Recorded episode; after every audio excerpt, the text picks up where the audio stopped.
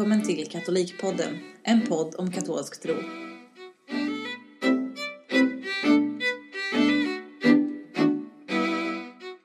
Välkomna till dagens avsnitt av Katolikpodden. Vi kommer idag att prata om döden, men eh, innan vi gör det så ska vi presentera oss. Jag heter Claudia. Här är Alex. Och det är Patrik. Yes, och det är vi som spelar in idag. Ehm, till att börja med så ska vi avslöja vinnaren på tävlingen som vi hade i förra, avsnittet. Vi lottade ut boken Älska och gör det du vill av syster Sofie. Och den som har vunnit är Maria Wernersson från Landsbro. Woo! Grattis Maria! Yay! Så den här boken kommer till dig på posten signerad av syster Sofie och fin. Den är inte signerad av oss. Det skulle inte göra någon glad tror jag. Tror du inte det? Nej, Nej. okej. Jaha, men då tar vi och dyker in i ämnet då tycker jag. Döden. Så vad händer när vi dör då? Man kan säga att varje själ har tre alternativ efter dödsögonblicket eller i dödsögonblicket. Antingen så kan du gå direkt till himlen utan att passera gå, direkt till helvetet eller ta dig till himlen genom en slags rening, alltså skärselden. Man kan eh, ju använda sig av uttrycken himmel, helvete och skärseld i dagligt tal. Typ som, ja det var ett helvete på jobbet idag. Eller musiken är himmelsk. Eh, och eh, hur vi använder de orden pekar ju självklart på hur eh, himlen och helvetet är. Ehm, så himlen är då att leva tillsammans med Kristus, jungfru Maria, alla änglar och heliga i fullständig harmoni med Gud och treenigheten. Det står också i katekesen att man inte upphör som sig själv utan man finner sitt sanna jag och sin sanna identitet. Det står fint också, man finner sitt eget namn. Helvetet då är ju tillståndet när man är fullständigt skild från Guds kärlek för evigt. Ett hopplöst tillstånd som endast är möjligt på grund av den fria viljan. Alltså den fria viljan att medvetet välja bort Gud. Man pratar också ofta om helvetet i termer om eld och hetta.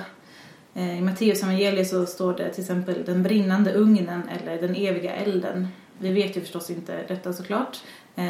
Och man kan undra om himmel och helvete är individuellt anpassade himmel och helvete för alla människor eller om det är liksom en stor kollektiv brännugn där vi brinner eller en stor kollektiv. Ja, det vet vi inte. Nej. Vad säger du Alex? Nej, jag, jag tänker bara på att du tittar på Supernatural för mycket igen. Ja, alla har sitt, sin egen himmel och sitt eget helvete. ja men det är ändå intressanta Ja, det är- frågor tycker jag. Jag tänker att det finns ju väl ens de som har sett exempelvis helvetet.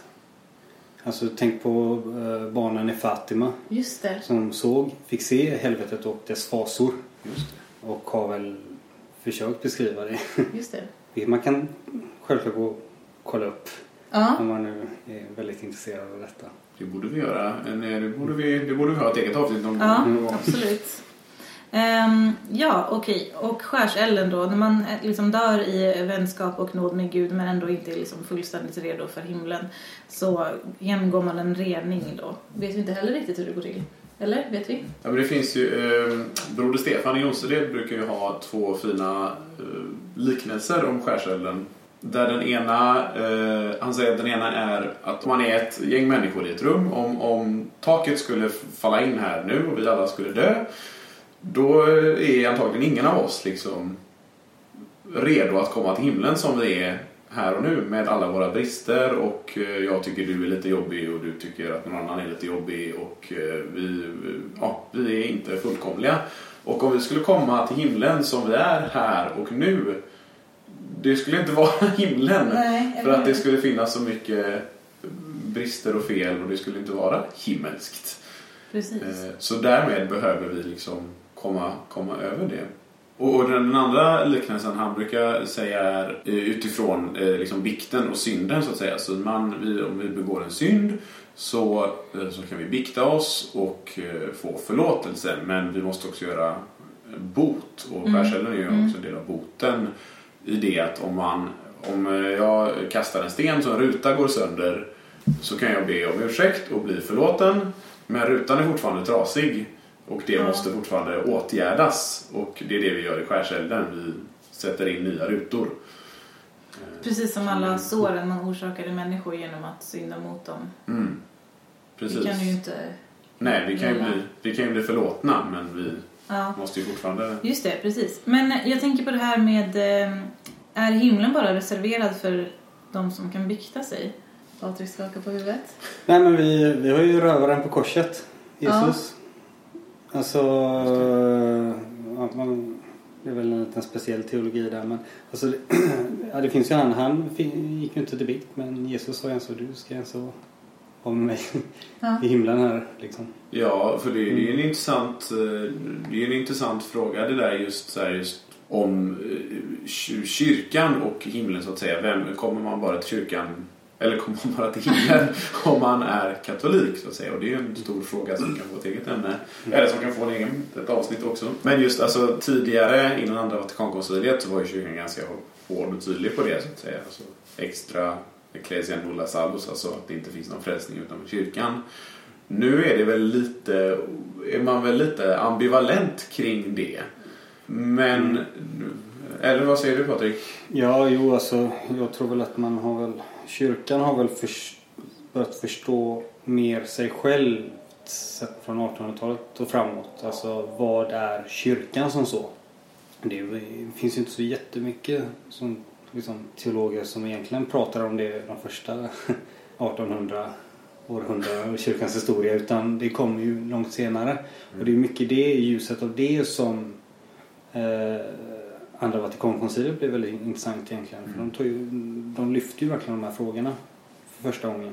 Mm. Men säg, säg att man eh, bor man någonstans eh, ute i ingenstans och aldrig har hört talas om, om Jesus och Gud. Då har man ju inte en chans liksom. Nej. Att, eh, då, det är inte rättvist heller. Då har man inte någon möjlighet att... Eh, då kan man inte säga men du kommer inte till himlen om du inte tror på Gud för du har aldrig hört talas om Gud typ.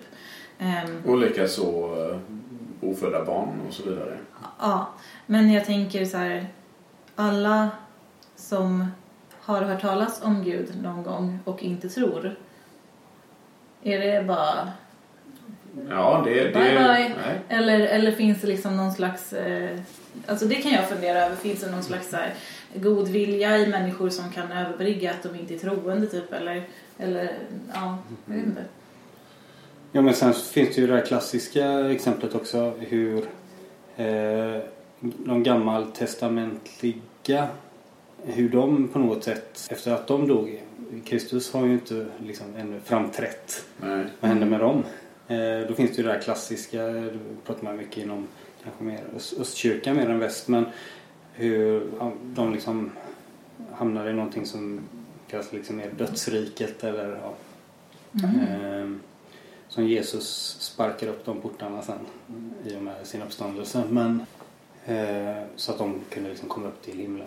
Utan de Ah. hamnar i någon slags mellan, eh, inte limbo men Nej. eh, Jag, har- jag har alltid tänkt att eh, Jesus, Jesus dog och uppstod så att säga i, i tiden så att säga. Men hans uppståndelse är ju också utanför tiden. Så att säga. För när vi dör så går vi utanför tiden. Mm. Så jag har aldrig... Eller jag, jag, har inte, jag vet inte alls vad kyrkan eh, säger om detta utan jag har bara... jag tror att kyrkan säger ingenting. Nej, för De, jag... de låter frågan vara öppen. Ja, nej men... Ja. Fint om alla får veta när vi dör liksom. Ja, men jag tänker... ja, ja, men det är då vi får veta det. Men Ja, ja. det är, ja. Ja. Nej, men jag har tänkt att det är något av en icke-fråga just. Så här, vad händer med dem innan Jesu tid? För att ja, uppståndelsen och livet efter Precis. detta har inte med tiden att göra. Utan det går utanför det. Så det Precis. borde inte vara ett problem tycker jag. Nej, och det, det är ju inget problem för oss heller. Alltså, Nej. det, det påverkar ju varken vår, våran väg till him- himlen liksom eller ja, någon annans heller. Om de som var före Jesus Ja, var de här någonstans. Precis, det är, det är mest bara en kul grej liksom. Man kan sitta och fundera på liksom. Ja. Ja, så vi fick ingen... Vi kan inte svara på det just nu egentligen. Så här. Vad- vad var frågan? Vad, säger kyrkan så här, om eh, de eh, icke-troende? Är det bara raka vägen till helvetet eller vad är liksom så? Det, är- det är en öppen fråga. Ja. Det finns, finns ju de teologerna som ja, Leback och andra som menar att helvetet är ju helt tomt. Alltså inte ens djävulen finns där. Gud är så barmhärtig. Ja, ja. Så att... Eh, Men det tycker jag är Mm. en något naiv inställning för Jesus är ganska tydlig med att Ja, ja, ja. kommer och han ska skilja på fåren och getterna Ja. och så vidare. ja. Agnarna. Eh, Ja, agnarna Du ska sitta på och du ska sitta på vänster sida Ja, och så precis. ska ni få veta att ni... Precis, och så slänger vi in Fatima-barnen här mitt i allting. Ja, exakt. Så att de har Ja. fått se helvetet. Så då har Och vi- jag vet inte om... Fick de se ett tomt helvete som de blev förskräckta över? Jag vet inte. Gud, det är så gulligt! Ja, nej men... Nej, Så vi eh, mosade den, den te- teorin då, eller? Ja, det, Ja. det- det vi vet är att kyrkan inte... Kyrkan har ju aldrig sagt att den här personen är i helvetet. Kyrkan har ju förklarat att några är i himlen. Helgonen har kyrkan förklarat. Mm. De här personerna vet vi är i himlen. Men kyrkan har ju aldrig sagt att någon är i helvetet. Nej. Det är ju det vi vet. Ja, det kanske är jättemycket folk, eller så är det typ jättelite. Ja. Vem vet? Jaha, ehm, Fast det, ja, det bara, fast det finns ju de som har fått visioner som kyrkan har godkänt. ja. Som, säger en, som har sagt en hel del att den och den och den personen finns i helvetet. va? Ja, men Det kan man uh, Ah, ja, okej. på. Okej, ja, intressant. Ja. Bra, bra. Ehm, jaha. Men eh, då går vi vidare till lite grann så här förberedelse för döden. För vi kan ju faktiskt påverka eh, vart vi hamnar. Eh, och eh, kyrkan säger ändå på något plan att vi ska vara redo för döden varje dag.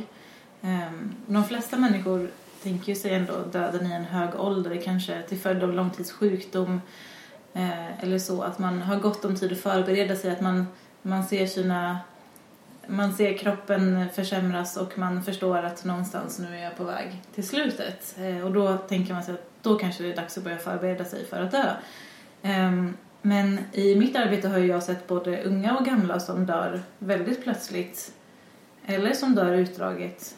Och liksom, det är nästan slumpartat vem som är förberedd och inte så. Och så ja, en ung människa som dör hux flux av en hjärtinfarkt eller så, det vet man ju inte. Eller en eh, överdos eller Mm. ja, vem som helst kan bli påkörd av en lastbil eller så kan Trump trycka på knappen och så, ja, det kan ju hända vad som helst. Ehm, det var roligt när vi pratade med konfirmander om det här en gång, att så här, leva varje dag som att det var den sista, men att så här, man får vara noga med att det inte ska vara på YOLO-sättet, utan att eh, ett sätt som ändå eh, vara redo att leva, träffa Jesus den dagen. Men det här är ju väldigt tungt när man tänker på det. Och hur ska man, jag funderar på hur man ska liksom leva för att det ska vara rimligt på något sätt, för att du kan inte sitta, du kan inte gå till bikten varje halvtimme liksom. Eller hur? Nej, men ganska ofta. Alltså en gång i veckan eh, rekommenderas ju av många helgon och så vidare. Mm. ja, och påven går ju varannan vecka. Och det är betydligt mer än, än kyrkans minimikrav en gång om året. Ja, jo, jo. Så det, Eh, nej, men jag tänker så här att eh, om, om jag föreställer mig att jag skulle träffa Jesus så skulle jag vilja liksom vara alltså sönderbiktad nästan, skulle man ju nästan vilja säga. Men att eh, då kan man ju nästan tänka sig att varenda en hamnar i, kommer ha lång tid framför sig i skärselden liksom. ja, men det tror jag nog. Alltså som sagt, som om man återgår till det jag sa tidigare, den här Broder Stefans liknelse om om vi dör här och nu, då är det Mm. inte så många av Nej. oss som, Nej. som är redo att komma till himlen som vi är. Utan det är ju helgon. Mm. Och de är ju helgon förklarade av en anledning. Så på något sätt måste man ändå få ihop att, eh, att leva ett långsiktigt liv och vara beredd på massor av år men samtidigt vara beredd på att det kunde hända idag. Mm. Då blir man lite stressad tycker jag. Varför då? Jag vet inte, jag kanske har lite mycket på mitt samvete. Nej, jag tycker det, jag tycker det är... Jag tycker det är ganska fint egentligen just detta. För att, att vi har det hoppet att vi förhoppningsvis kommer till himlen. Och ja, vi kommer antagligen genom skärselden. Mm. Men det är ju inte så att skärselden är liksom fortfarande så här antingen eller. Utan jag, även om ja, jag tror att det är naivt att tro att helvetet är tomt. Så tror jag ändå att just Gud är så pass barmhärtig att om man söker honom så kommer man förhoppningsvis dit. Även om man kanske får vara i skärselden en bra stund på vägen. Mm. Så, och det är just att det, det... Man ska nog inte vara för skrämd heller. Men man, man, just att vara skrämd av domen tror jag inte man behöver vara. Men samtidigt ta det på allvar. Mm. Att det finns ingen automatik i att komma till himlen men ja, inte vara för rädd för det heller. Nej. För man talar ju om den yttersta domen också som att man får se allt vad man har gjort, både bra och dåligt. Eh, för de som är intresserade av lite extra läsning kan man läsa Pierced by a Sword. Eh, en bok av eh, Bud McFarlane som eh, har skrivit bland annat en berättelse om en man som konverterade och han eh, fick då en liksom, eh, vad ska man säga, en, han fick se sina synder och sina goda gärningar fick han se i, eh, i sitt, i, medan han fortfarande var i livet. Och det, ja, ja, det är liksom en, en roman, en bok så, men det var väldigt intressant att läsa om om hur han fick se allting, vad han hade gjort och hur vågorna hade spridit sig både från sina synder och sina goda gärningar och så. Men eh, när vi dör så kommer vi någon gång att få se allt som vi har gjort i hela dess eh, utsträckning. Ja, det låter ju onekligen lite läskigt. Ja, men och också både, både det goda och det onda. Mm. Ehm, men det är ju inte det goda vi är rädda för att se. Nej. Har du någonting mer du vill ta upp? Ehm, jag tänker lite grann på hur man inte pratar om döden så himla ofta.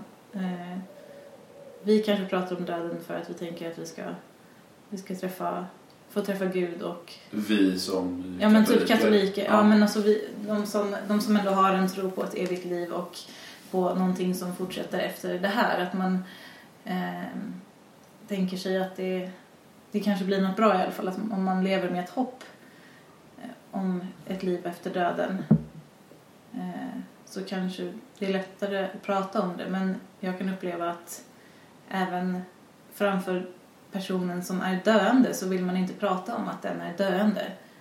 Eh, många anhöriga och patienter själva och läkare och sjuksköterskor och allihopa vi som kan stå omkring och vi, vi som står på vårdarsidan vi vet att det här är nog inte så lång tid kvar. Det här kan vi säga, vi kanske har en kort tid men att man inte uttalar just nu är det nog kanske dags att liksom försöka slå ihop boken eller att knyta ihop säcken eller något sånt här att försöka liksom runda av livet eller att eh, så att man inte pratar om det på det sättet riktigt för att döden är på något sätt inte närvarande även när den är närvarande kan man säga. I alla fall i sjukhuskorridorerna kan jag tycka. Men det är inte det lite symptomatiskt för dagens samhälle liksom att det Mm.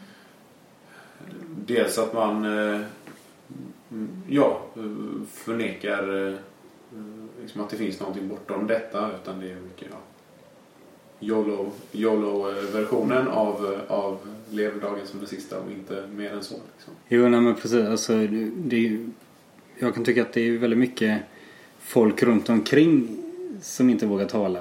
Men personen i fråga som kanske Ja. ligger i döden är där men jag ska gå och dö nu. Ja, ja. Det och alla bara liksom- nej, nej. ja, precis.